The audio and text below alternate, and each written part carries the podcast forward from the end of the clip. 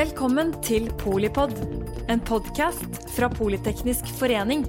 Et kunnskapsbasert medlemsnettverk for bærekraftig teknologi og samfunnsutvikling. Velkommen til toppledersamtalen om vannkraft, direkte her fra et smekkfullt studio i Politeknisk forening.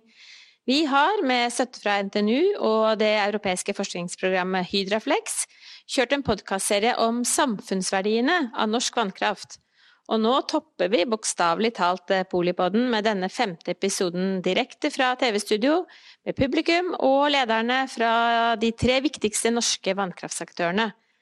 Og jeg må jo si at som gammel powergirl selv, så er det ekstra stas å kunne ønske velkommen til Christian Rynning Tønnesen, Hilde Tonne, Kjetil Lund og Ellen Wiseth, som er journalist i TU, Teknisk Ukeblad, og dagens programleder. Vær så god, Ellen. Takk for det, Mette. Da har jeg gleden av å introdusere dagens lille, men veldig topptunge panel. Vi begynner med det. Kristian Rynning Tønnesen, konsernsjef i Statkraft. Det er altså både Norges, men også Europas største vannkraftprodusent. I tillegg så eier dere jo vindkraft og solenergi i ei rekke land. Og dere eier gasskraft i Tyskland. Og dere driver med flytende solenergi i Albania. Og nå vil dere snart inn i havvind på norsk sokkel. Det stemmer. Så har vi Hilde Tonne, konsernsjef i Statnett, eh, som har ansvar for hele det sentrale kraftnettet i Norge. Eh, som skal sørge for at vi både har nok nett og sterkt nok nett. Og for at nettet er i balanse til enhver tid. Og så er det nok mange som har lært i vinter at dere også har ansvar for utenlandskablene. Og at det faktisk er Statnett som følger med på tilstanden i vannkraftmagasinene og varsler fra hvis det er for lite vann, sånn som dere gjorde her i høst. Så det er Kjetil Lund, vassdrags- og energidirektør, som betyr at du er toppsjef i NVE, myndigheten som bl.a. gir konsesjoner til nye kraftverk, og som håndhever lover og regler som gjelder for kraftsektoren. Eh, og også dere følger jo kraftsituasjonen tett og lager analyser og framtidsscenario, sånn som alle dere gjør. Eh, og det skal vi komme tilbake til, men først så må vi snakke litt om strømpriskrisa. Eh, det skal jo handle om vannkraft her i dag, men vi kommer ikke utenom å snakke om den veldig spesielle situasjonen som hele Europa er i nå. Og da begynner jeg med det, Kristian. Hvordan er det å lede Norges største kraftselskap når strømprisen går i taket og folk demonstrerer utenfor Stortinget? Det er krevende. Dette er jo ikke en situasjon som vi som kraftprodusent ønsker.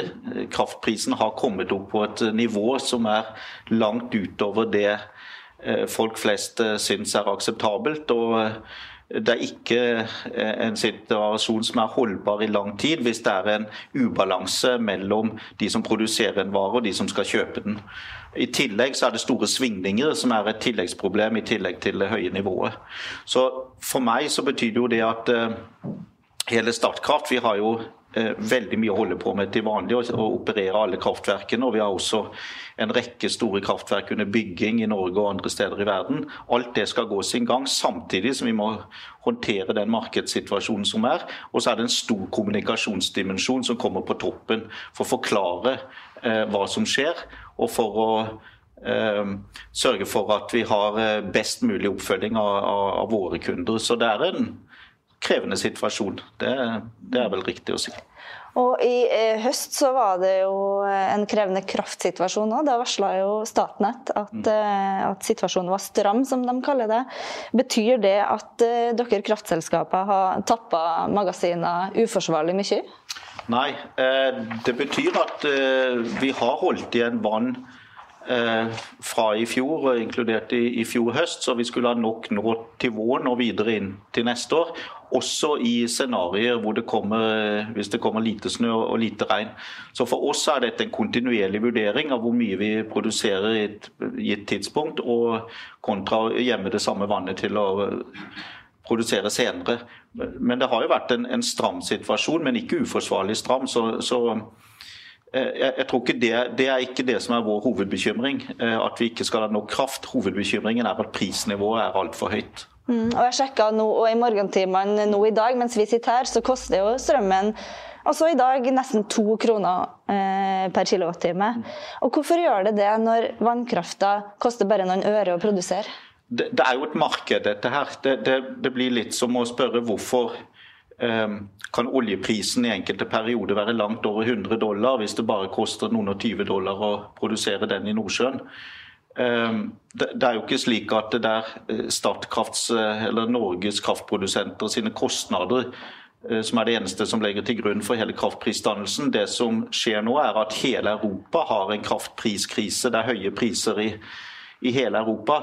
Og Grunnen til det er først og fremst at det er veldig høye gasspriser.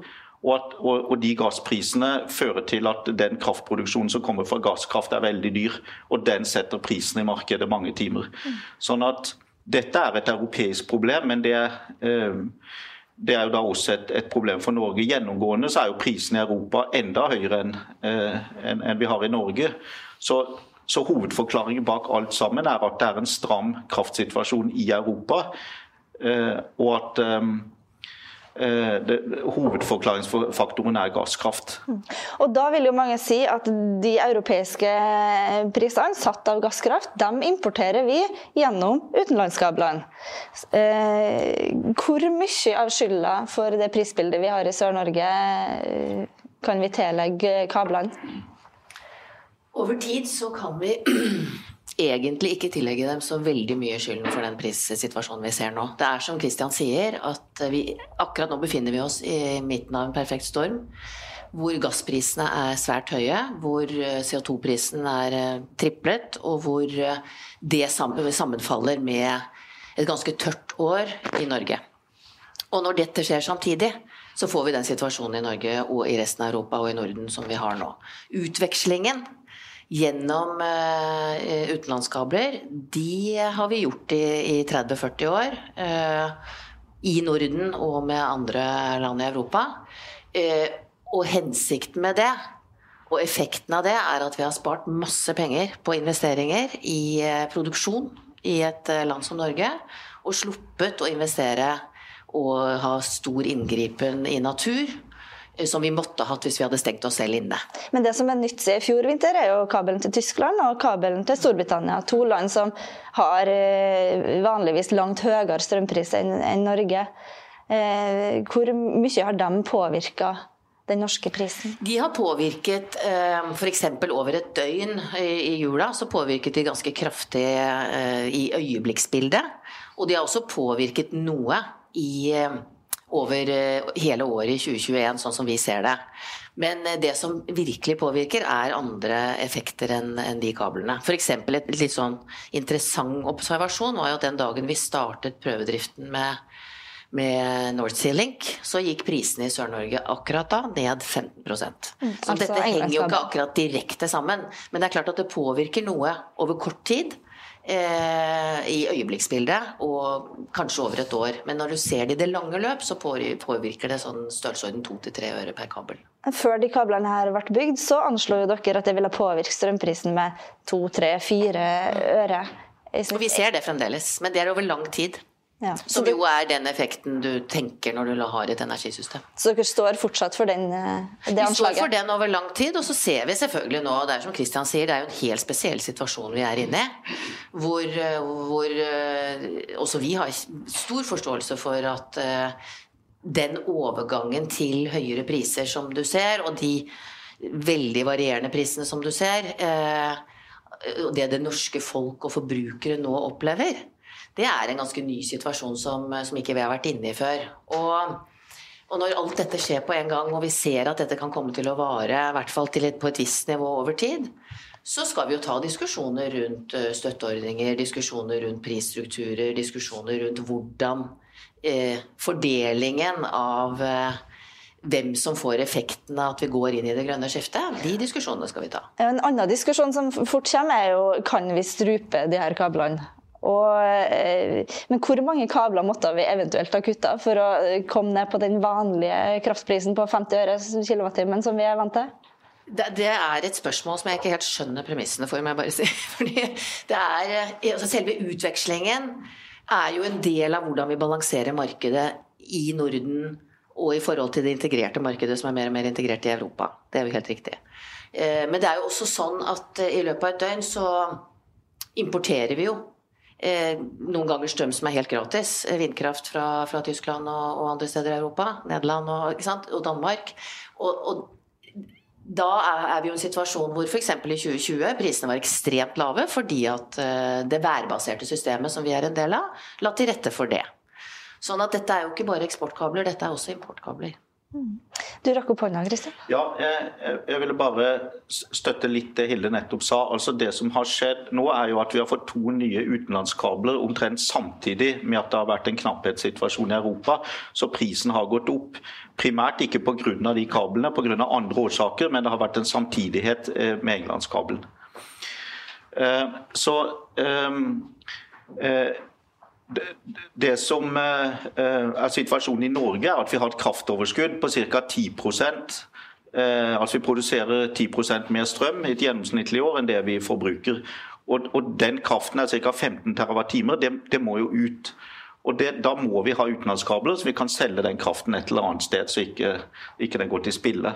Og Så er det da andre perioder hvor det er veldig billig kraft i Europa, og hvor vi da kan holde igjen på produksjonen i Norge og importere den kraften billig. Så det er en veldig god nasjonaløkonomi i Norge av å ha disse utenlandskablene. Problemet er at kraftprisen har blitt høy, og det skyldes som sagt primært et høyt europeisk prisnivå, og ville ha skjedd Eh, i veldig stor grad, selv om vi hadde hatt to kabler mindre. Men en, en annen plass der det er billig kraft, det er jo i Nord- og Midt-Norge. Eh, og da må man spørre, Ville det hjelpe på prisene her i sør hvis dere i Statnett hadde klart å fjerne alle flaskehalsene nordover? Så Du ville jo fått et jevnere eh, prisbilde mellom nord og sør. Eh, og antageligvis høyere priser i nord hvis du hadde hatt en bedre kanal mellom nord og sør. Og det er jo et tema som vi eh, har tatt med oss inn i planleggingen av utvikling av nettet de neste ti årene. Hvor vi skal styrke nord-sør-forbindelsen. Sånn at vi får likere priser i hele landet. Og akkurat det trengs det fokus på. Men da vil det gå mest den veien? At det er dem som får eh, dyrere strøm, og ikke like stor forskjell for oss? Altså, det er så mange faktorer som spiller inn her, så det er vanskelig å si at hvis du hadde gjort det, så hadde du fått en lavere pris i sør og en høyere pris i nord. Du ville fått en utjevning.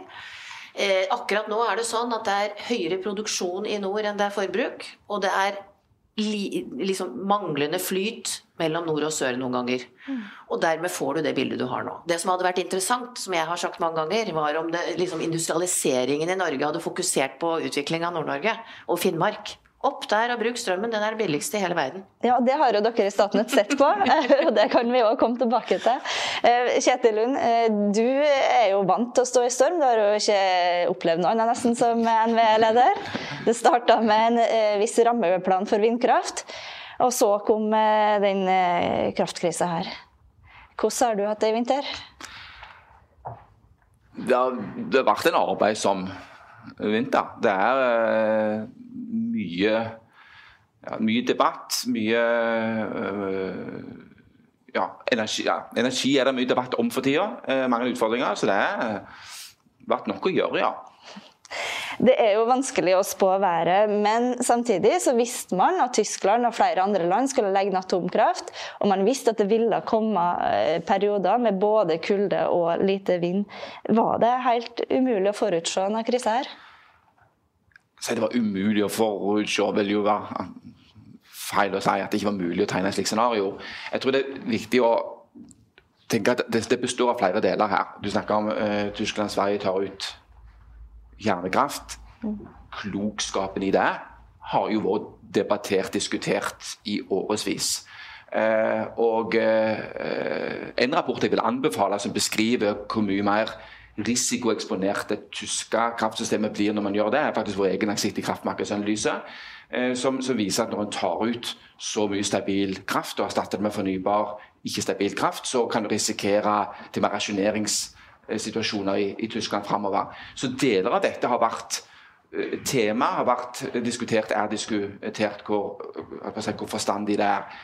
Så den viktigste forklaringen på den situasjonen som vi er i akkurat nå, og som både Kristian Hilde har vært inne på den høye gassprisen, det hadde sikkert også vært altså Det er jo menneskelig mulig å tro at prisen ville gå så høyt som den nå har blitt. Men den har altså økt 500-600% på et år. Og det er, i hvert fall, det er sikkert mange nå som sier at, at jo, dette burde man sett. Men, men, men de fleste selskap som gjør analyser på dette altså Det er veldig få som har sett det, for å si det sånn.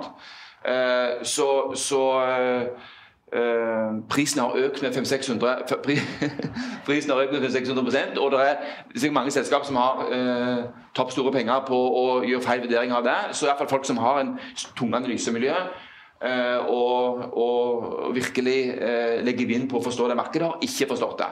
Så, så på gassida er vi i en veldig spesiell situasjon. Så jeg tror en konklusjon vi kan trekke er at det er veldig, vi lever i en tid med veldig sterke, raske, brå endringer. Både på politikksida, på markedssida, på teknologisida. Så det er veldig vanskelig å snakke med sikkerhet selv om den nære framtida. Du rakk opp hånda. Eh, en ting som er eh, ganske interessant, er å stille seg spørsmålet hvorfor er gassprisene som de er, siden de har drevet opp også kraftprisene. Og Der er det et par faktorer som er ganske spesielle akkurat nå. Det ene er at vi har hatt to år med pandemi. Det første som skjedde da pandemien kom i, i begynnelsen av 2020, det var at eh, praktisk talt hele verden stengte ned store deler av samfunnet, og energiforbruket i hele verden sank tilsvarende ned en god del. Og Da fikk vi de laveste energiprisene i Europa, de laveste i Norge noensinne i moderne tid, i 2020. Eh, Bl.a. Eh, i stor grad pga. nedstengningen. Så eh, kommer vi da inn i 2021. Man får mer kontroll på pandemien. Samfunnet åpner opp igjen verden rundt. Og så går energiforbruket opp, slik at det har vært den høyeste økningen i energiforbruket noensinne siden andre verdenskrig, fra 2020 til 2021. En god del av det er jo å hente opp igjen det som falt i 2020, men det har også økt utover det mange steder. Mm. Og Disse svingningene de påvirker markedet veldig. Det andre som er helt spesielt i Europa nå, er forholdet mellom Europa og Russland. Hvor gassimporten fra Russland til Europa blitt, eh, er vesentlig mindre nå enn det har vært i tidligere år.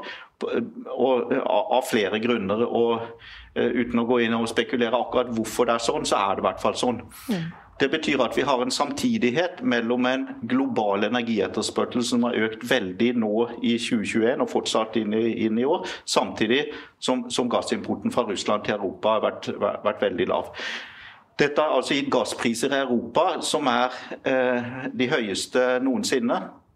Norge tjente rundt 3 milliarder kroner per dag på gasseksporten til Europa i desember i fjor. Ehm, så, og Det er en enorm nasjonalinntekt. Så det er et paradoks at vi i Norge ser på de høye energiprisene som et problem. For nasjonaløkonomisk så tjener vi mange mange ganger mer på gasseksporten enn de problemene vi har på kraftsiden. Men det fjerner jo ikke problemet på kraftsiden. Det, det bare setter det litt i perspektiv at Norge er en svær energinasjon. Eh, og, vi er nest største gassleverandør til hele Europa. Sånn det fjerner jo heller ikke det privatøkonomiske problemet? Det fjerner ikke folks problem, men det gjør jo at vi har en statsøkonomi som kan komme med kompensasjonspakker, og som, og, og som kan være interessant å diskutere om vi kan gjøre noe mer enn det som allerede blir gjort nå. Fordi Norges økonomi totalt sett er jo mye bedre enn det noen gang har vært i denne situasjonen. På Statkraft de, de um, inntektene fra, fra gassalget er større enn det noen gang har vært. Men samtidig så, så har vi da et, et, stort problem med at kraftprisene blir dratt opp av de høye gassprisene i Europa. Mm. Hilde? Ja, jeg har lyst til å plukke opp litt på, på det både Kjetil og, og Christian adresserer. Det er store endringer i verden nå. Og vi, har, vi, har, vi, er midt i en klimakrise, og vi har vedtatt eh, at vi skal inn i fornybarsamfunnet. Vi har vedtatt det i Norge, vi har vedtatt det i Norden, og vi har vedtatt det i Europa. Fit for 55 og 55 nedgang i, i, i, utslipp innen 2030 har det norske storting vedtatt. Og uh, står i Hurdal-plattformen. Og når det skjer, når det skal skje, så må vi også være forberedt på at energisystemet vil endre seg. Da får vi mer værbasert energisystem. Da er vi nødt til, og det er en stor driver for at vi må jobbe mer integrert på tvers av både landegrenser og eh, på tvers av sektorer på tvers av hydrogen, og jeg pleier å si at eh, eh, kraftsystemet er det nye energisystemet. Og energisystemet er det nye kraftsystemet. Disse tingene kommer til å ha fullstendig overlapp etter hvert som vi elektrifiserer 100 og, og når vi har bestemt oss for dette, så må vi ha en samtale om at dette faktisk kommer til å koste. dette faktisk kommer til å måtte håndteres av beslutningstagerne for å fordele effekten på en god måte også for forbrukerne. Og det er vi egentlig midt inni. Og forståelse for hvordan det kommer til å skje, det er vi nødt til å ta samtalen om, tenker jeg. Mye mer enn vi har gjort. Og Før vi går over til det som skal handle mer om vannkraft, så er det et eh, siste litt vanskelig spørsmål til det, Kjetil. Hva er det viktigste politikerne våre kan gjøre eh, for å unngå at dette nå blir situasjonen i hver vinter framover? Så på, på, helt kort sikt så er det ikke så mye en får gjort med selve kraftsystemet. Da vil jeg tenke at det handler om eh, å kompensere for økte utgifter til folk her og nå. Det har, det også, det har også regjering og storting handla. Vi har fått på plass eh, kompensasjonsordninger, støttepakker. Folk har ulike syn på det, på innretning og sånn. Men eh, det er viktig for å redusere de økte utgiftene som følger med for folk eh, og husholdninger av de høye prisene. På sikt så, så handler det mye om kraft. Balanse. hva vi bruker kraft, hvor mye kraft vi bruker og hva vi bruker den på. Og hvor mye kraft vi produserer. Og det er vanskelige avveininger. Det handler om energieffektivisering, der det nok er et potensial å bruke kraft mer effektivt. og frigjør du kraft. Det handler om å tenke nøye gjennom hva vi bruker kraft på. Der har du elektrifisering av alt fra sokkel til andre ting som er verdt å ha en samtale om. Eh, og bruk på jeg vet jeg, bitcoin og alt mulig, så noen land har, begynner å ha politikk på det. Så det er et mulig tema å ha en samtale om. Og så er det på produksjonssida. Produsere mer vannkraft. Det er det, er det en samtale om. Verne vassdrag. Hva har du? Vindkraft. Vi har stort potensial på land og på hav og for så vidt også på solkraft. Så, så, så det handler om uh, forbruks- og produksjonssida på sikt. Å få uh, jeg kan bare si, re, Ikke rebalansert den, men, men, men, å få uh, retta opp det forholdet enda mer. Mm. Hilde? Ja, og Da må jeg også slå et slag for vår kortsiktige kraftanalyse eller markedsanalyse som vi ga ut rett før jul. Hvor vi ser med det forbruksveksten som ligger inne i vår langsiktige markedsanalyse, og vi ser den forbruksveksten egentlig hver eneste dag akkurat nå så ser vi at det kommer til å være behov for ny produksjon eh, inn i det norske kraftsystemet allerede i 2026. Og, og, da må vi begynne å tenke på hva eh, det kommer til å drive priser, og det kommer til å forhindre industrialiseringen som alle ønsker seg, basert på grønn kraft, hvis vi ikke nå ser behovet og virkelig agerer på, på, det behovet i forhold til å investere i ny kraftproduksjon. Og er det mulig? For det var jo en kollega av det som, som sa her tidligere i dag at 2030 eh, det er jo i dag i vår bransje. Det kan jeg også si. 2030 er i dag, og 2050 er i morgen. Så 2026, det, er det mulig? Er, vi har egentlig nesten ikke tiden av veien, og kommer til, det kommer til å være stramt i 2026-2027.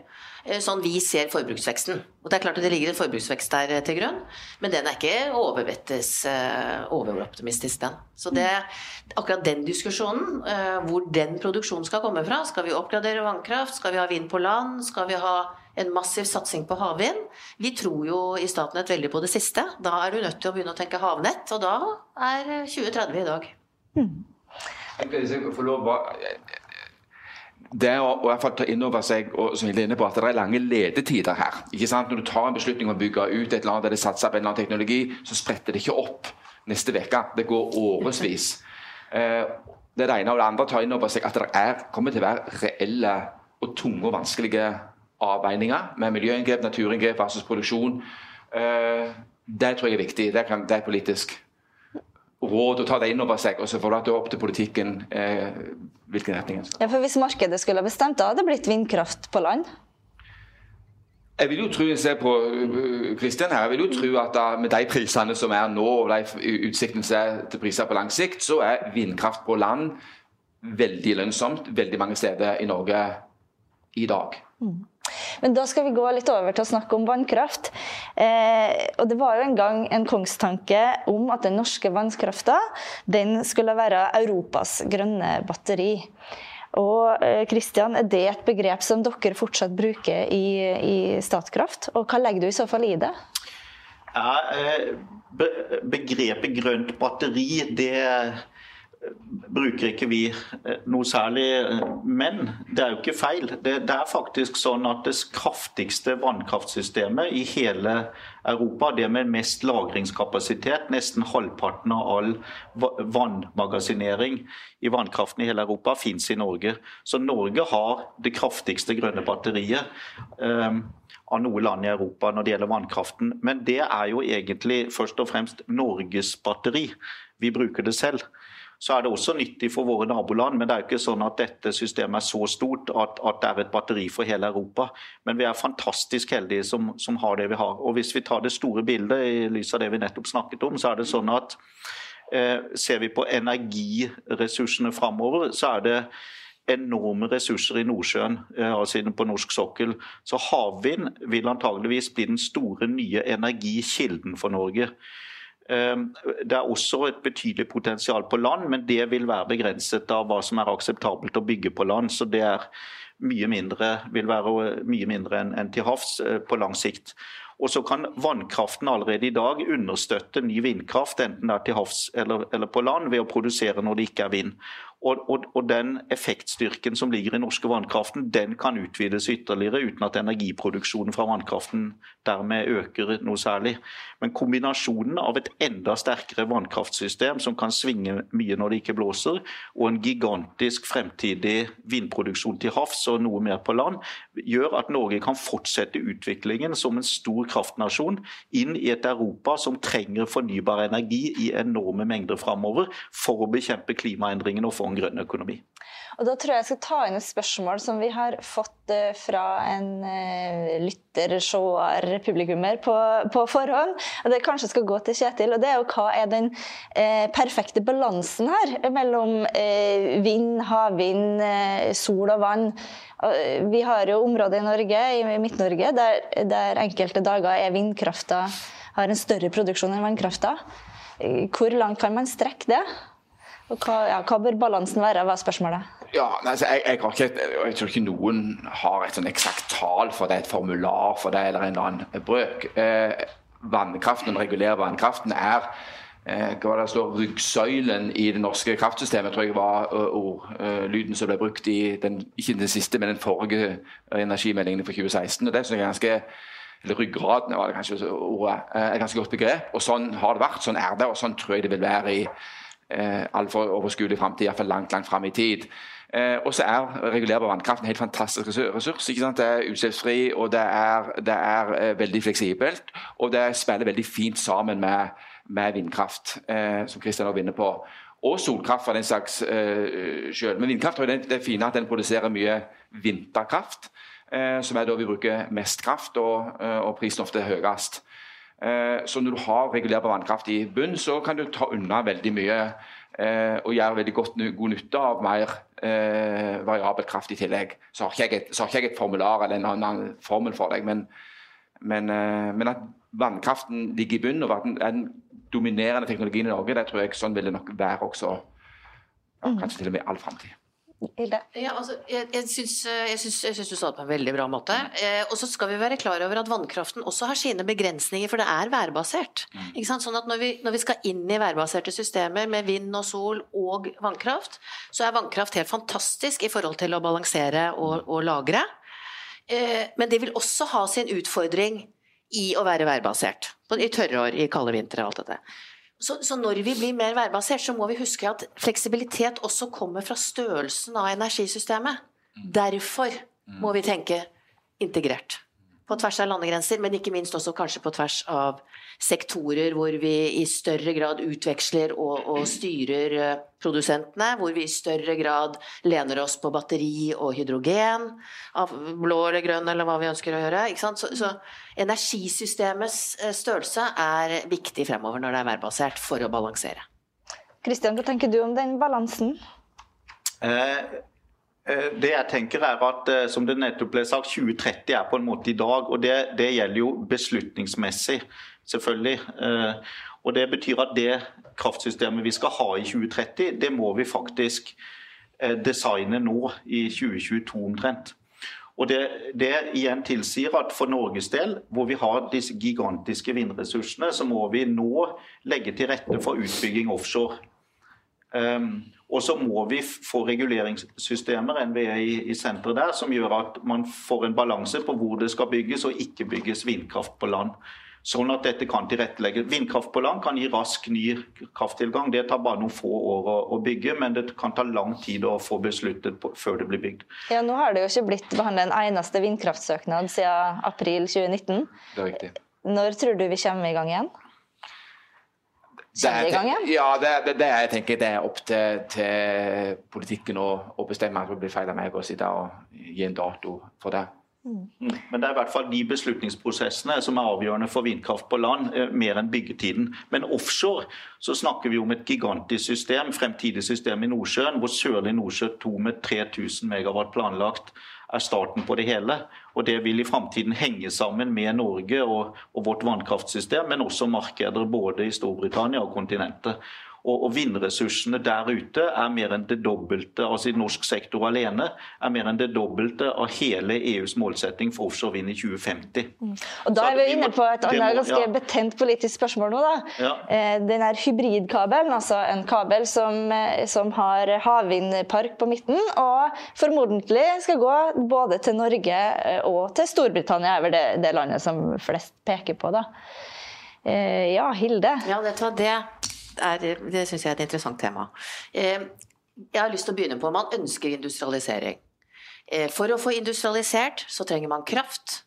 For å få den kraftproduksjonen i gang, så er det havvind antagelig som er det store volumet. Der er det målsetninger eh, allerede satt av EU og UK, Storbritannia, på 100 gigawatt i 2030, som er i dag, og 400 gigawatt i 2050, som er i morgen.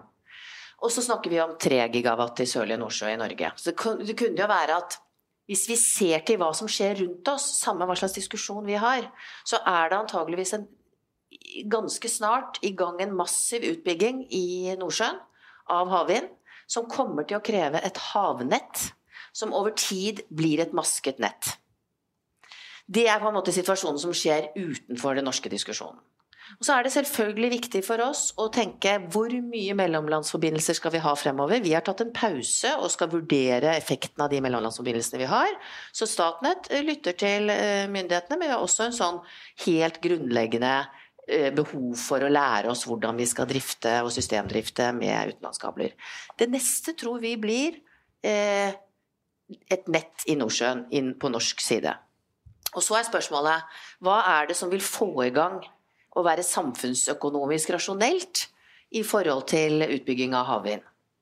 Da tror vi at eh, Eller vi ser i våre beregninger, det har ingenting med tro å gjøre, vi ser i våre beregninger at eh, eh, hybridløsning og tilknytning til det fremtidige maskede nettet kommer til å være samfunnsøkonomisk rasjonelt for, for Norge. Og vi hører jo også fra de som ønsker å investere, f.eks. Statkraft, at tilgang til flere markeder enn det norske er grunnleggende viktig for de som skal investere. Så det er jo faktum. Og spørsmålet er hvor, lenge, hvor lang tid har vi til å diskutere hybrid versus radial i forhold til at resten av verden nå beveger seg. Mm. Og Innad i regjeringa så diskuterer de jo er en eh, hybridkabel og en eh, utenlandskabel, en overføringskabel, det samme. Eller er det to vidt forskjellige ting? Hva Definerer dere noe det kan, forskjell der? Det kan være forskjellig, eh, alt ettersom hvordan vi designer det og hvordan vi starter planen.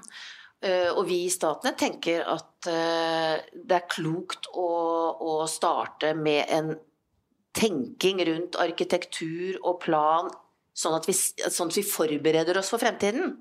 Men hva vi gjør fra begynnelsen av, det kan jo diskuteres. Man kan jo begynne med ilandføring kun til Norge og forberede for tilgang til markeder uh, utenfor Norge etter hvert. Hva er det oppe med Harald? Ja, der er jeg litt uenig. Uh, mitt syn er at nå må Norge finne sin plass i et fremtidig gigantisk offshore vindkraftsystem i Nordsjøen. Og vi sitter på en stor andel av disse ressursene. Og Da må vi ikke tenke for smått. Vi må ikke bare tenke på hva vi kan gjøre med det første feltet. Vi må tenke på at dette er starten på noe stort. Det er litt tilsvarende da vi fant gass i Nordsjøen øh, øh, og, og, og, gikk i gang der. så ble det starten på noe som i dag er et enormt gassforsyningssystem til Europa, og det nest største etter Russland. Eh, vi kan spille en tilsvarende rolle i offshorevind, og da må vi tenke stort nok fra starten av. Og Da må vi tenke at kablene må gå både mellom Norge og feltene ute i Nordsjøen i framtiden, og eh, mellom disse feltene og markedene. Så eh, Samtidig så må vi eh, ta inn over oss at vi har en kraftpriskrise. Sånn at designet av disse systemene må løse begge deler. Vi må st lage starten på et fremtidig gigantisk system hvor vi er med i Nordsjøen, samtidig som vi gjør det på en sånn måte at det gagner Fastlands-Norge å få ned prisbildet her. Men du er ikke uenig med meg? Eh, enige. Jeg, jeg, det eneste jeg er uenig eh, Hilde, med deg, er at eh, man skal tenke på at vi skal starte med å bygge noe som bare henger sammen med Norge. Jeg, jeg Ja, tror- men det var jo ikke det jeg sa, da. Eh, Ok, men da er vi enige likevel. Ja, vi er men, men, eh, men mitt syn er at eh, vi må lage et system som henger sammen begge veier. Det vi kan gjøre, det er å la kablene være mindre enn feltet. Sånn at vi tvinger kraften til å gå både til Norge og Storbritannia når det blåser mye, sånn at vi sikrer netto krafttilgang hit. Dette er en stor optimalisering som NVE og Statnett kan gjøre. Hvor Statkraft er en aktør og, og ikke en systemdesigner. Men det er fullt mulig å kombinere begge, begge deler. Og, og, Og og som sagt, eh, med, med våre vannkraftressurser i ryggen, kombinert med disse gigantiske vindressursene, så kan Norge lage et fremtidig system som virkelig kan erstatte en andel, kanskje en femtedel, av Norges olje- og gassinntekter slik vi kjenner det i dag. Og vil det med et sånt design eh, være mulig å forhindre at dette også blir en eksportkabel når det ikke eh, blåser så mye? Ja, det, det, Man kan eh, designe dette slik at eh, den mengden kraft Norge får fra Nordsjøen når det blåser mye, er større enn den mengden vi eksporterer ut via feltet og videre til markedet når det blåser lite. Det er et rent designkriterium for hvor stor er kabelkapasiteten i forhold til feltet eh, på den norske delen av Nordsjøen. Så det er fullt mulig å kombinere. Men, eh, men, men dette er kompliserte beregninger som må gjøres eh, ordentlig, men det er fullt mulig. Og hvis nå Senterpartiet får gjennomslag for at den kabelen kun skal gå til Norge, eh, trekker dere søknaden da? Eh, eh, Jeg, virkelig, jeg, ønsker å være med på det som blir politisk besluttet. Så Statkraft ønsker å være med uansett, men jeg er opptatt av at vi lager et system i Norge som legger til rette for en, altså starten på en gigantutbygging. Og, og, og den kan ikke henge sammen bare med Norge. Vi, vi har vindressurser som kan forsyne hele Europa. Og, og dessuten så er det sånn at hovedproblemet også i Norge, det er at de europeiske eh, kraftmarkedet er altfor stramt. Så Hvis vi kan bidra med en gigantisk mengde kraft fra Nordsjøen inn i Europa, så vil jo det være med å hjelpe hele Europa, som igjen vil gagne Norge tilbake igjen. Så det er ikke sånn at, at det å forsyne en, en enorm mengde kraft til Europa er uheldig for Norge. Det vi må passe på, er at vi designer systemet sånn at det kommer nok kraft direkte til Norge fra Nordsjøen, og så kan resten gå til Europa. Hilde? Ja, ja, og jeg tror ikke Jeg er på ingen måte uenig. men Det hørtes ikke så uenig ut. Du sitter og, du sitter det var bare den lille kommentaren om at vi kunne starte med å koble oss Ja, fra det er akkurat det samme som å designe for mindre eh, kapasitet i begge retninger, sånn at det går mer til Norge. Det er akkurat samme Men, men, unnskyld, men vi er jo nødt til fra dag én å ha en kapasitet som er lik Ja, men hvis jeg makskapasiteten kan på få å bare si noe nå. Poenget her er vi er nødt til, Hvis noen ønsker seg eh, utbygging av havvind på norsk sokkel, så må vi forholde oss til et masket nett som kommer i Nordsjøen, samme hva. Da er vi nødt til å gå inn og planlegge. Vi er nødt til å ha en arkitekturtanke bak dette her fra dag én. Det er det vi sier i Statnett.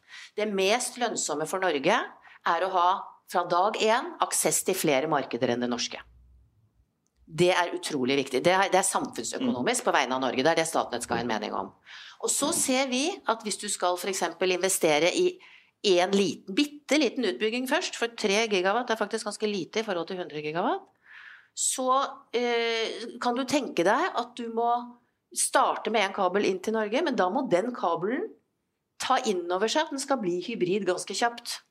Og da kan du enten velge den løsningen som du snakker om, hvor du, hvor du bygger i begge retninger helt i parallell, bare med mindre kapasitet, så du er sikker på at det går begge veier. Eller du kan eh, bygge en diger radial som blir hybrid i morgen, ganske kjapt. Altså dette, det er disse tingene vi må diskutere.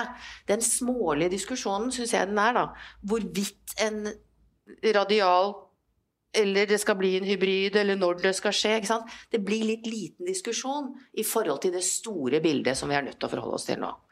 Og det er dere med på å sitte i arbeidsgruppa med, med andre Statnett si, fra hele Europa og, og planlegge det her nå?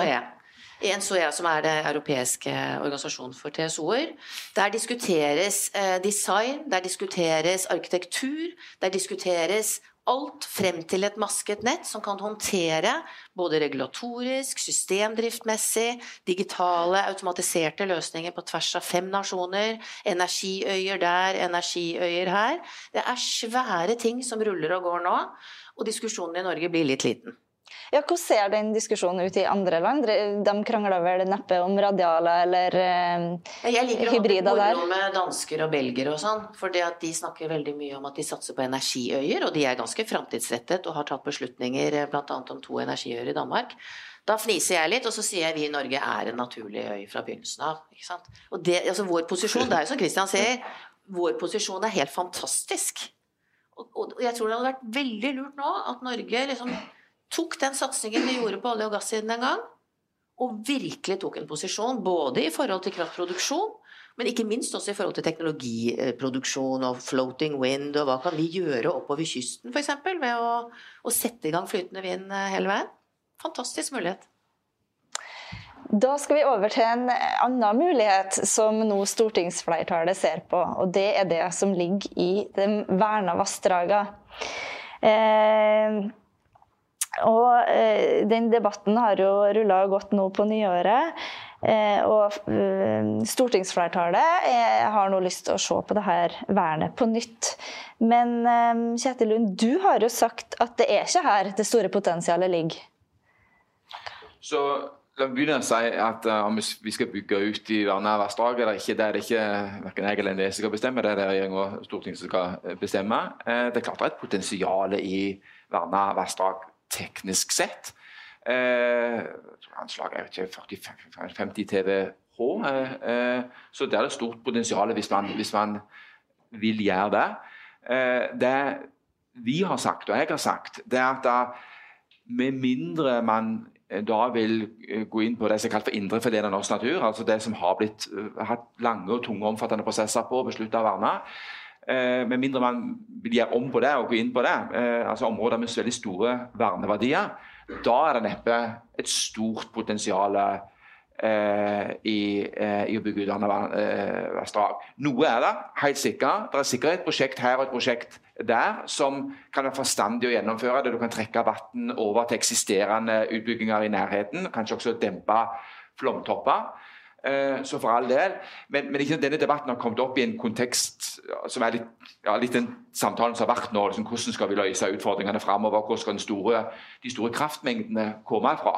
Og det, I den sammenhengen vi har sagt at hvis vi snakker om de store kraftmengdene, da er det neppe mye å hente der, med mindre man vil gå inn i ja, indre filet av norsk natur. Mm. Og Hvis man skal unngå indrefileten, som du kaller det, hva er da potensialet? Hva, er det omsatt i, i terawattimer, f.eks.? Jeg har ikke et eksakt tall, men da snakker vi om ganske få eh, Det var to-tre, kanskje. Det må en se på. Det er litt sånn trekkspill. Det, det, er ikke et eksakt tall for det, men da er, da er det igjen det er helt sikkert ett og flere prosjekter som en kan og bør vurdere. Eh, men de store kraftmengdene, uten at det skal gå utover store verneverdier, det tror vi ikke at det er. Politikerne sier jo at de vil ha en skånsom eh, vannkraftutbygging i verna vassdrag. Eh, er det mulig? Ja, i den forstand at, det, at det, all utbygging som skjer nå på vannkraft, og sånn det har vært lenge, er tar tunge miljøhensyn i Norge. Jeg mener vi har ganske flott historie, flott tradisjon på det eh, i Norge. Hvis du går på de første konsesjonene, så tok en ikke særlig mye miljøhensyn. Men etter hvert så har vi hatt veldig høye standarder og veldig strenge miljøkrav til eh, utbygginger. Og mange vannkraftutbygginger er jo ja, litt, kommer litt an på smak og behag, men ganske fine til og med. Eh, altså det er, ja, ja, vi har gjort, tatt veldig hensyn til, til, til naturen og, og, lagt mye ressurser inn på at det skulle se fint ut.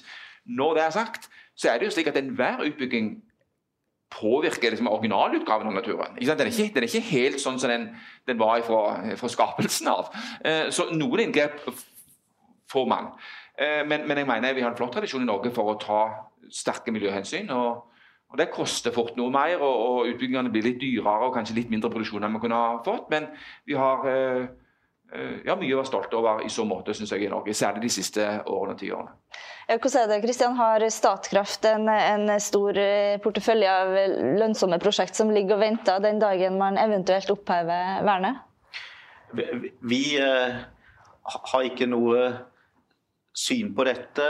Vi har ikke planlagt noen ting per i dag av det som er vernet, og har forholdt oss til de verneplanene som vi har. Og, uh, og det tror jeg vi skal fortsette med, og ikke være en politisk aktør i det spørsmålet.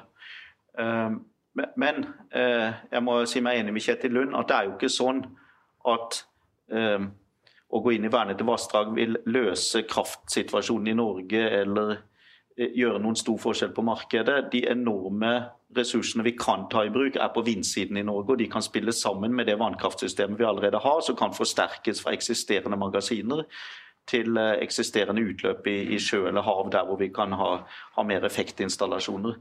Mm. Så, så, jeg vil heller gjenta det og si at det et mye, et, et, et mye viktigere spørsmål for kraftprisen og for hele Norges kraftbalanse, det er hvordan regulerer vi Nordsjøen, akkurat det Hilde snakket om, og hvordan får vi konsesjonssystemene for vindkraft i gang igjen på en sånn måte at det blir en harmoni i samfunnet mellom eh, verneinteressene der og mulighetene for å bygge ut noen steder.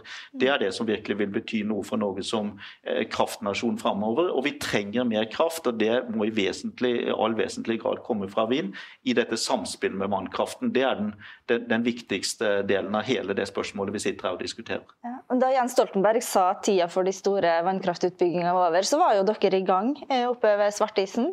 Er noe å hente fram igjen? Eh, jeg, jeg jobbet i Statkraft den gangen òg. Eh, det var en politisk beslutning. Eh, vi forholdt oss til det. Vi stanset disse prosjektene og har brukt ressursene våre på andre ting. Så igjen Jeg har ikke et, et, et, et, syn på dette utover å, å bare minne om at, at, det er ikke disse spørsmålene som avgjør verken kraftprisene eller Norges kraftbalanse i framtiden. Det er det jeg nettopp snakket om ellers. Det er, det er, vindkraften i samspill med det vannkraftsystemet vi allerede har, mm. som kan forsterkes. Eh, Kjetil, dere har jo gjort noen anslag på hva klimaendringene vil gjøre for eh, vannkrafta. Og kanskje vil de også tvinge fram en del utbygginger av verna vassdrag? Det ikke klimaendringene tvinger fram utbygging av verna vassdrag. Eh, om vi ønsker å bygge ut verna vassdrag, det er noe som vi, eh, altså regjering og storting bestemmer, ikke klimaendringene.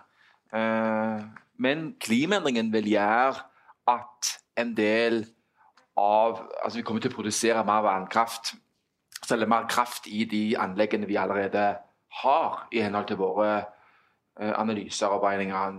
3-4-5 TWh er vel det anslaget vi har for de neste eh, årene. Eh, og Det er fordi at klimaendringene gir mer eh, nedbør og mer tilsig, eh, og økt produksjon i allerede utbygd vannkraft. Mm. Hilde? Altså, jeg synes Det er litt sånn elefant her nå. Fordi at Vi kan snakke om vernede vassdrag og liksom tune og dra og hale og plage Kjetil Lund med liksom, konsesjonspolitikken og alt mulig sånn. Men det som egentlig kommer til å monne, hvis vi skal gå fra 140 TWh i forbruk til 220 i 2050, som vi har anslått som selvfølgelig et høyt anslag, men det kan skje, da må det ganske kraftig kost til i forhold til økning av produksjon. Og da er det jo havvind som vil monne. Hvis vi da ikke ønsker å ta en massiv utbygging av vind på land. Og det er jo også en tung diskusjon, og har vært og er fremdeles. Vind i havet med et masket nett er i gang allerede i europeisk sammenheng. Norge er utrolig godt posisjonert, og vannkraften, som Kristian sier, i den sammenheng er perfekt i forhold til å lage et energisystem som er enda mer veldrevet enn i dag. Men er vi så godt posisjonert nå? Vi hadde jo Skottland en kjempeutlysning her om dagen, der også norske selskap vant en kontrakt. Men det virker jo ganske langt opp og fram, det som eh, ligger i, i våre farvann. Hvordan, eh, hvordan kan den prosessen speedes opp? Noen må jo ta en beslutning, da. Jeg ville begynt der. Mm. Ja, vi er utrolig godt posisjonert i Norge. Det, det betyr jo ikke at vi trenger å være førstmalt. Vi var ikke først i verden i Norge med offshore olje- og gassutbygging. Det hadde skjedd i USA og andre steder i lang tid. Men så fant vi nå ressursene i 1969, og så ble det en gigantisk utbygging på ryggen av at disse teknologiene var utviklet andre steder, teknologiene for å produsere olje og gass offshore. Det som har skjedd nå, er at verden uten Statkraft eller eh, Norge har, eh, har utviklet eh, kostnadseffektive teknologier for produksjon av vind offshore. Og De teknologiene har kommet så lavt i kost at Norge kan begynne å bli konkurransedyktig. Ressursgrunnlaget har vi hatt hele tiden, men det har vært for dyrt tidligere. Og andre land har tatt si, utviklingsjobben på bunnmontert vind. Sånn at eh, det å ta i bruk dette nå, med fornuftige da, reguleringer på kabler som vi snakket om i stad, det, det, er vår tids mulighet.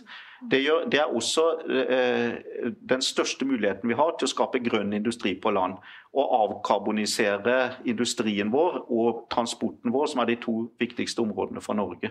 Så, så vi kan ta i bruk teknologi som allerede finnes, og så kan vi i tillegg antageligvis eh, bidra til å utvikle teknologi på flytende, hvor vi må ha mange små utbygginger etter hverandre, så vi får mange teknologigenerasjoner. Der kan vi spille litt av den rollen som andre land har gjort på bunnmontert.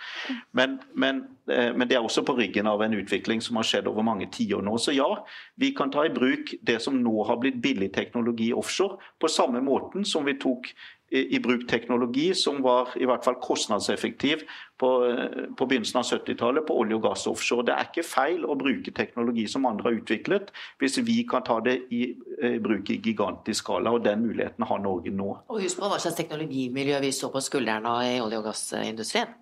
Men det med å ikke være først, det harmonerer jo dårlig med, med deres analyser som sier at uh, i 2026 så kan vi trenge mer uh, strøm. Vi snakker jo tiårsvis, eller i hvert fall ti år, før, før havvindeventyret er i gang, sier ja, altså, mange. Vi må være uh, på ballen nå for å få, legge til rette for mer kraftproduksjon i Norge. Så, så, så må, her, her har vi dårlig tid. Men den teknologien vi vil ta i bruk offshore, og også på land på vindkraft, er jo da utviklet andre steder. Det er moden teknologi når det er bunnmontert eller, eller på land, selv om det også kan utvikles enda videre. Så er vi nå på et kostnadsnivå som gjør dette eh, konkurransedyktig. Så, så det er jo en fantastisk mulighet, egentlig. Mm. Kjetil, har du hånda oppe? Jeg tenker altså, Bare noen betraktninger av havvind. Fordi at, fordi at eh, det, det, er jo ikke tvil om at det, det blåser mye der ute. Det er gode, enorme vindressurser. Eh, og at det er en teknologi som har stort potensial. Eh, men, men, men for det første, det kommer til å være avveininger mot miljø, mot fiskeri, mot interesser og andre ting der også. Eh, og jeg tror all erfaring fra norsk forvaltning, norsk utbygging av vannkraft, vindkraft de siste årene, nett, er at det lønner seg å gjøre de prosessene skikkelig. Og vise respekt for de interessene som er, og, ha, og, og, og, og gjøre de utredningene som må til, og passe på at man får den rette balansen mellom de ulike interessene. Det kommer til å ta noe tid. Det er det ene. Det andre er at det, er en samtale om eh, si, hybrider og nett og, og, påvirkning på norsk kraftpris. og sånn. Det har jeg respekt for at det er en krevende samtale politisk. Eh, så Det er det andre. Det tredje er kostnader. Sånn, det, er en grunn til at det ikke har skjedd så mye fram til nå. og Det er at det ikke har vært lønnsomt. Eh, eh sånn at og Kostnadene har i hvert fall frem til nå vært høyere enn det som er regningssvarende, at man klarer seg uten subsidier. Og Det er ikke opplagt at vi skal inn og subsidiere eh, kraftproduksjon i Norge. Det har vi stort sett klart oss uten. og, og Det har vært en sektor som har bidratt til å styrke felleskassen, ikke å eh, tømme den. Eh, så det er ikke opplagt for meg at, skal, eh, at det er en god idé. Jeg har forståelse for at politikere tenker seg om to ganger før de uh, gjør det. Så kan det være at det er i ferd med å skifte, og kostnadene faller. og det kan godt være at de fortsetter å falle. Andre land tar byrden med å utvikle teknologi så er det noen som sier ja, men vi må ta en posisjon vi er raskt framme tidlig ute. Det kan være noen argumenter der, det kan være noe å hente der. Men det er òg et argument som går motsatt vei. altså, la, la, altså Vinden kommer til å fortsette å blåse. Tomtene kommer til å være der ute.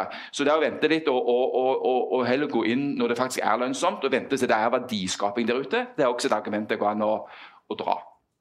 Hva tenker du om det? Ja, nei, vente og vente. Altså, jeg, tror, jeg er helt enig med grundige prosesser. Og, og, vi er jo midt oppi akkurat det du snakker om. Så Grundige prosesser. Det skal også forvaltningsmessige dialoger og, og klokskap til. Skal du gjøre noe i havet? Helt enig i det. Men poenget er vel fra vår side at man må huske på at det skal skje. Uh, før man begynner å drømme om at ting er på plass i 2030. Eh, så da må vi begynne med de prosessene. Det er vårt poeng. Og når, hva gjelder lønnsomhet, så, så ser jo vi at eh, havvind i seg bunnfast i Sørlige Nordsjø er lønnsomt uten subsidier. Eh, gitt da eh, markedsaksess for de som er der, og derigjennom også da samfunnsøkonomisk eh, rasjonelt for Norge å, ha tilknytning til flere markeder enn bare Norge. Så, så, så de, de, løsningene som folk, alle interessentene har pekt på, det er jo lønnsomt allerede nå. Så det som da gjenstår, er jo det du snakker om, de prosessene som tar tid.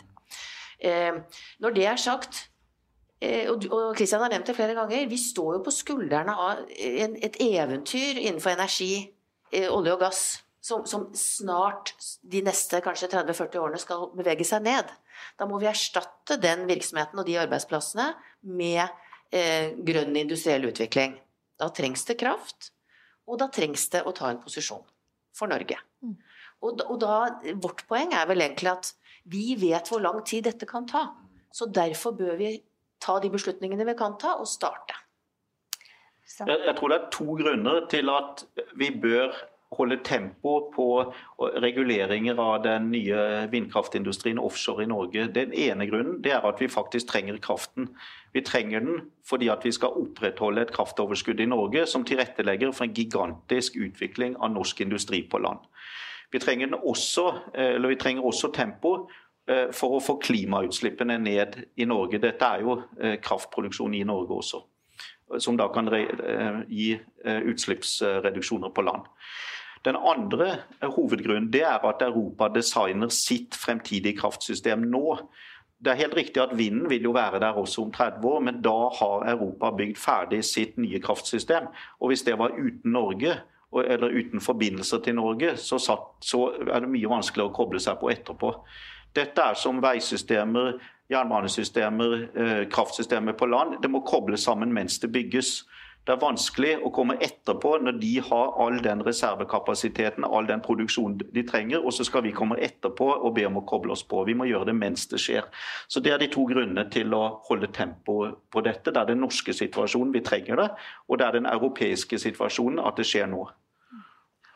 Da skal vi prøve å ta det litt inn på eh, land igjen. fordi med mer havvind så blir det jo også mer væravhengig eh, energi. Eh, det kommer mer vind, det kommer mer sol inn i systemet, og da blir fleksibilitet eh, stadig viktigere. Eh, og for vannkraftverkene så kan jo det innebære hyppigere start og stopp, og kanskje også mer ny teknologi. Men først så kan vi jo spørre om Hilde, er det gitt at det er vannkrafta som skal levere fleksibilitet inn i dette systemet? Det kommer jo også andre ting. Batteri, hydrogen, forbrukerfleksibilitet osv. Jeg tror i fremtidens eh, fornybarsamfunn så er norsk vannkraft utrolig verdifullt eh, i det energisystemet som vi befinner oss i. Og, og, og, som vi har snakket om tidligere, jeg tror kombinasjonen med eh, vind og sol, som kommer til å være det som skal opp i, i energimiksen, så er vannkraft en, en juvel. Helt fantastisk. Men det er også værbasert, det, i, i, tillegg til at de andre er det. Så det, det kommer jo til å øke eh, eh, hvordan dette er avhengig av været. Og da ser vi behovet for å eh, øke størrelsen på energisystemet for å kunne gå flere steder og hente fleksibilitet. Både geografisk, men også på tvers av sektorer. Eh, og da er vi jo der at vi er nødt til å diskutere energisystemmessig. Og det diskuteres jo i dag både innad i Norge, i Norden og i Europa. Hvordan kan vi ha mer fleksible løsninger med de som er en del av dette energisystemet? Hvordan kan vi ha mer eh, tilknytning til transmisjonsnettet på vilkår, f.eks.? Hvordan kan vi Kan du forklare hva det er? Eh, det betyr at eh, de som knytter seg til nettet, gjør en avtale om at de skrur seg av når det trengs, når vi balanserer nettet. Eh, og det vil si at de må ha en backup-løsning. F.eks. så har vi den type avtale med noen offshore-installasjoner, Troll og Oseberg, som har en backup-løsning for sin, eh, sin, energiløsning. Eh, skulle vi be dem om å, å, skru av fordi vi trenger kraften til noe annet i, i, de områdene de knytter seg til. Sånn at det å gjøre ting på vilkår er en løsning. Det å ha se ting på tvers av, av lagringsmedium og andre energielementer som hydrogen og, og batteriløsninger. Eh, og det å ha en, en, kunderelasjon og en partnerrelasjon hvor de som knytter seg til nettet, ser seg som en del av energisystemet og kan gå litt mer av og på, og vi kan styre det mer på tvers av, uh, av de elementene som er en del av energisystemet. Så både geografisk integrasjon, men også integrasjon på tvers av uh, av forskjellige industrier og, og deltakere i energisystemet kommer til å være fremtiden. Mm. Og det er komplekst, men det må skje. Ja, eh, veldig mange av vannkraftverkene våre er jo ganske gamle, både 50 og 100 år. Eh, hvordan kan man få dem til å eh, levere de tjenestene som vi kommer til å trenge framover? Eh, selv om vannkraften eh, eh, nå har en høy alder, så var teknologien veldig bra da de ble bygd. Og vi oppgraderer kontinuerlig alle vannkraftverkene våre etter tur, slik at den tekniske standarden er hele tiden holdt på et veldig godt nivå. Så Derfor så har vi fortsatt et av, eller vi har Europas sterkeste vannkraftsystem, og det er i veldig god stand. Ehm, og vi vil fortsette å reinvestere og, og eh, bytte ut komponenter, sånn at det, det, vil fortsatt være tilfellet. Ser vi på hva som kan gjøres uh, nytt utover det, så er det en kontinuerlig oppgradering, så vi får uh, noe mer energiproduksjon inn. Det har vi drevet med mange år, det vil fortsette. og Det er en kontinuerlig forbedring. Men den, det store nye er at vi kan også installere mer effekt. Og Da snakker vi om mer turbiner i parallell. På lang sikt så kan man også tenke seg mer pumpekraft. At vi pumper kraft baklengs opp i magasinet fra et ferskvann nedenfor når det er overskudd av strøm i systemet. Og, og så bruker vi det vannet om igjen når det, når det trengs. Ja, og det har jo, Fram Frem til nå så har jo svaret ofte vært at det ikke er lønnsomt. Eh, har den eh, prissituasjonen i vinter endra noe på det? Den, det, det, som gjør om en pumpekraft er lønnsomt eller ikke, det er jo prisvariasjonene.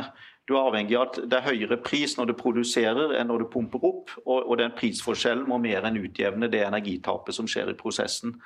Og Det har blitt noe større prisforskjeller nå, og vi forventer større prisforskjeller framover enn det vi har hatt før. Så Sånn sett så er vi nærmere en lønnsomhet enn vi var. Men Norge er fremdeles karakterisert at vi har et så sterkt system i utgangspunktet at de prisforskjellene er mye mindre enn i resten av Europa.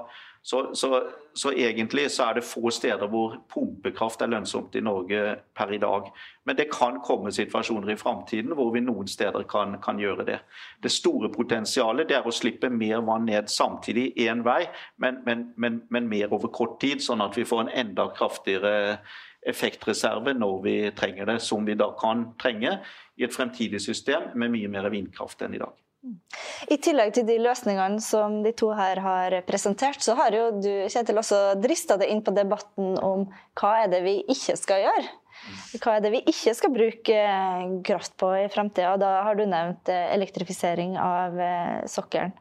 Men så sier jo olje- og gassbransjen at det er den eneste måten som de kan tilpasse seg en ny fremtid på.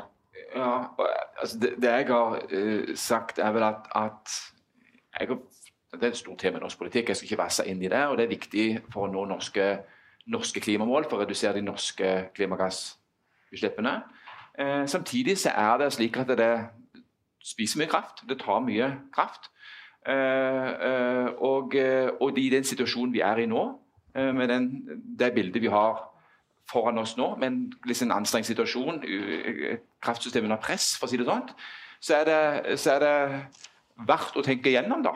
Eh, også, eh, også den sida av Eller også det kraftforbruket.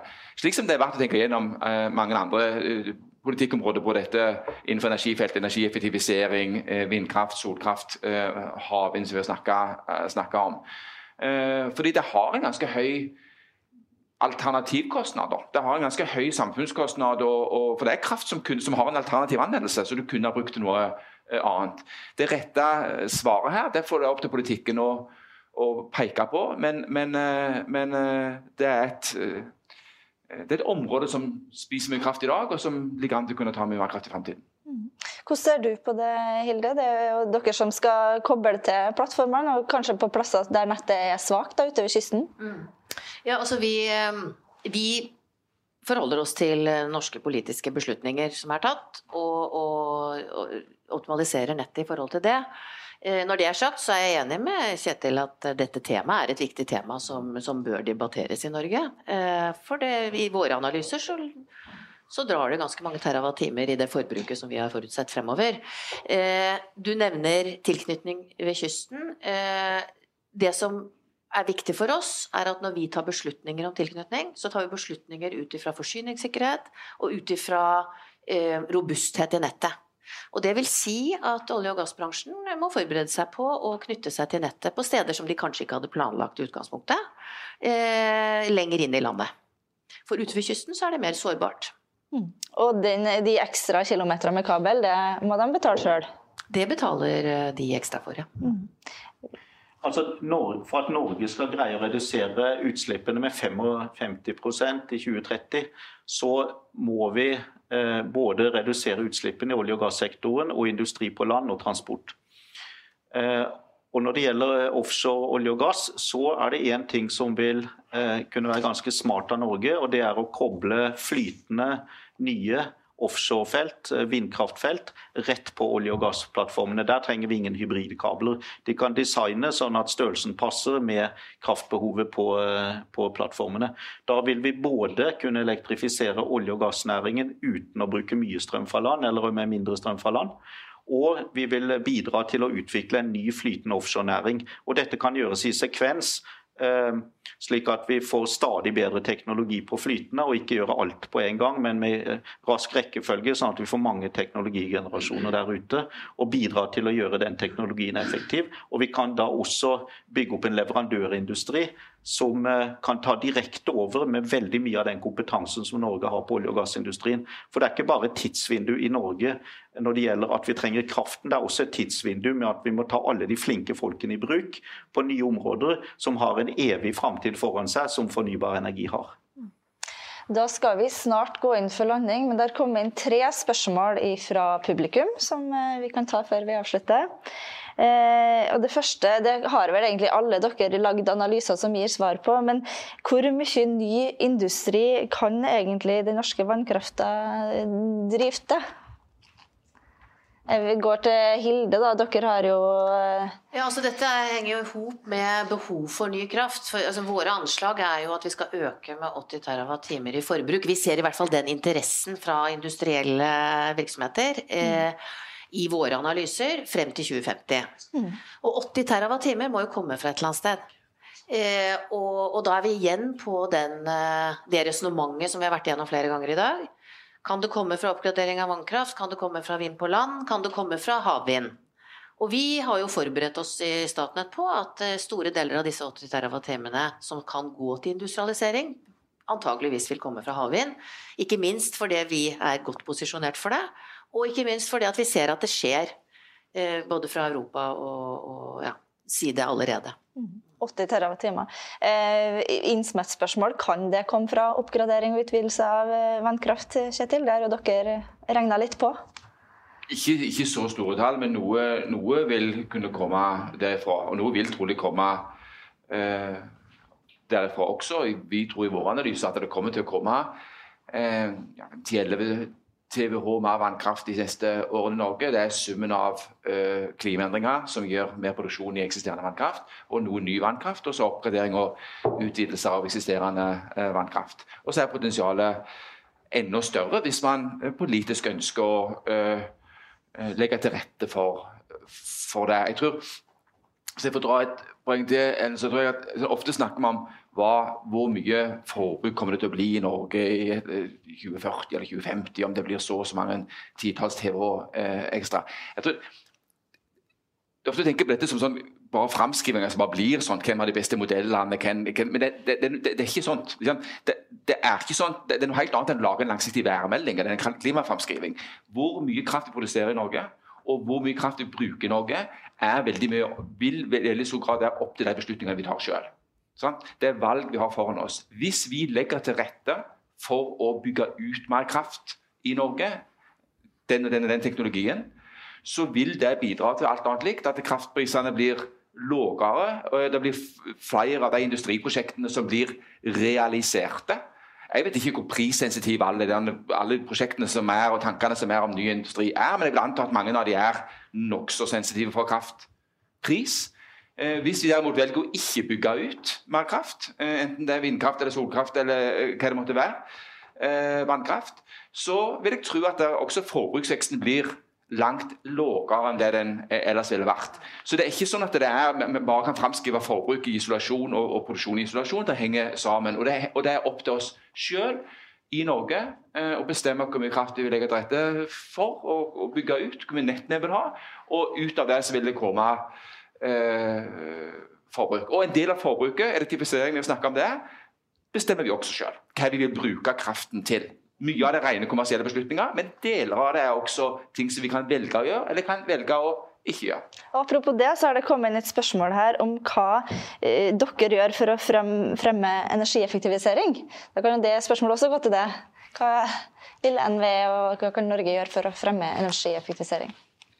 Ja, altså vi, en del av, vi driver som merkevare, alt går, så ikke merkevare, men heter det sånn energieffektivisering, så til, for tilsyn med det. og sånn, Så vi har en del si, noen virkemidler, ikke veldig sterke, men vi, vi har, det er en del av vår virksomhet å følge med på eh, det. Så har vi gjort analyser, det er viktig i seg selv, til å peke på det potensialet som er for energieffektivisering. Eh, vi la fram en rapport, rapport i fjor høst som peker på at det er potensial på en 10-15 TWh bare i bygg.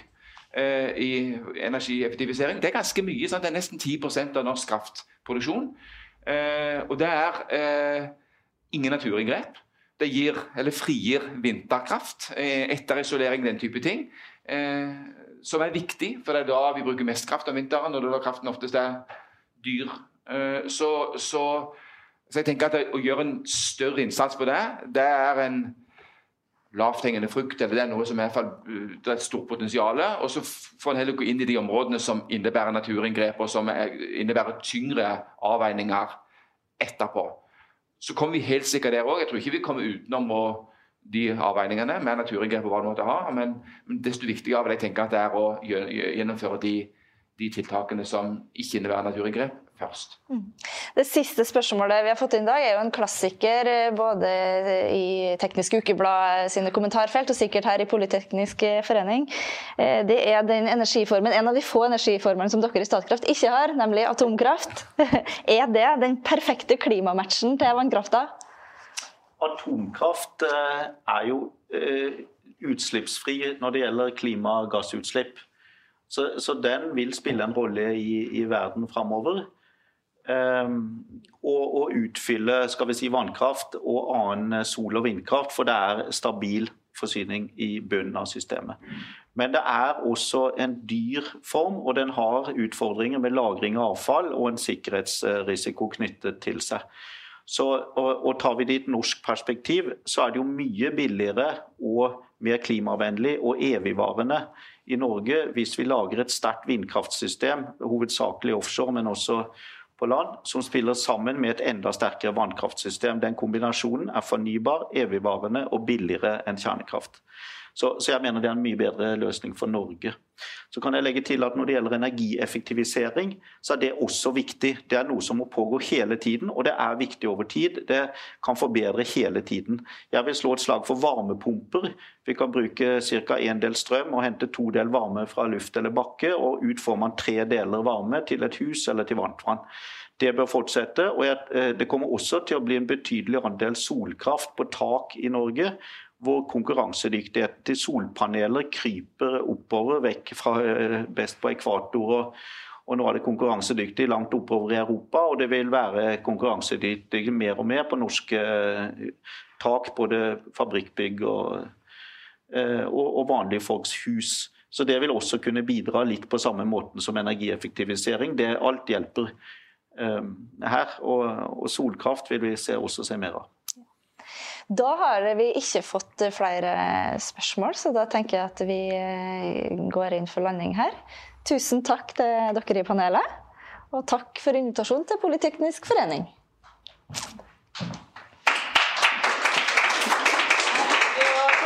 Låter eh, vi som takker. Tusen eh, hjertelig takk. Det er eh, helt opplagt. Det er masse ren energi. Det er helt opplagt at fremtiden er elektrisk. Det er sånn at 2026 det er i formiddag, og 2030 er i kveld. 2050 er i morgen. Så hjertelig takk til deg, Ellen Wiseth fra TU til Christian Rønning Tønnesen i Statkraft, til Hilde Tonne i Statnett, til Kjetil Lund i NVE. Og ikke minst tusen takk til eh, NTNU og det europeiske forskningsprogrammet Hydraflex, som har eh, nå toppet en eh, serie på fem podkaster med tema vannkraftens samfunnsverdi. Du må bare søke på Polipod eh, vannkraft, så finner du alt du trenger å vite om eh, vannkraftens historie, om teknologiutviklingen, om fleksibiliteten, og også om markedet og prisdannelsen. Foruten da hva topplederne selv eh, kan og mener om fremtiden. Så tusen takk til deg som ser på når du vil og hvor du vil. Og her kan jeg røpe at vi i salen skal kose oss videre med enda litt mer fakta og kanskje enda mer følelser til frokost eh, eh, når vi nå kutter sendingen og sier på gjensyn. Takk for at du lyttet til Polipod fra Politeknisk forening. Få med deg flere episoder, eller bli med på nettverksmøtene som du finner på at polyteknisk.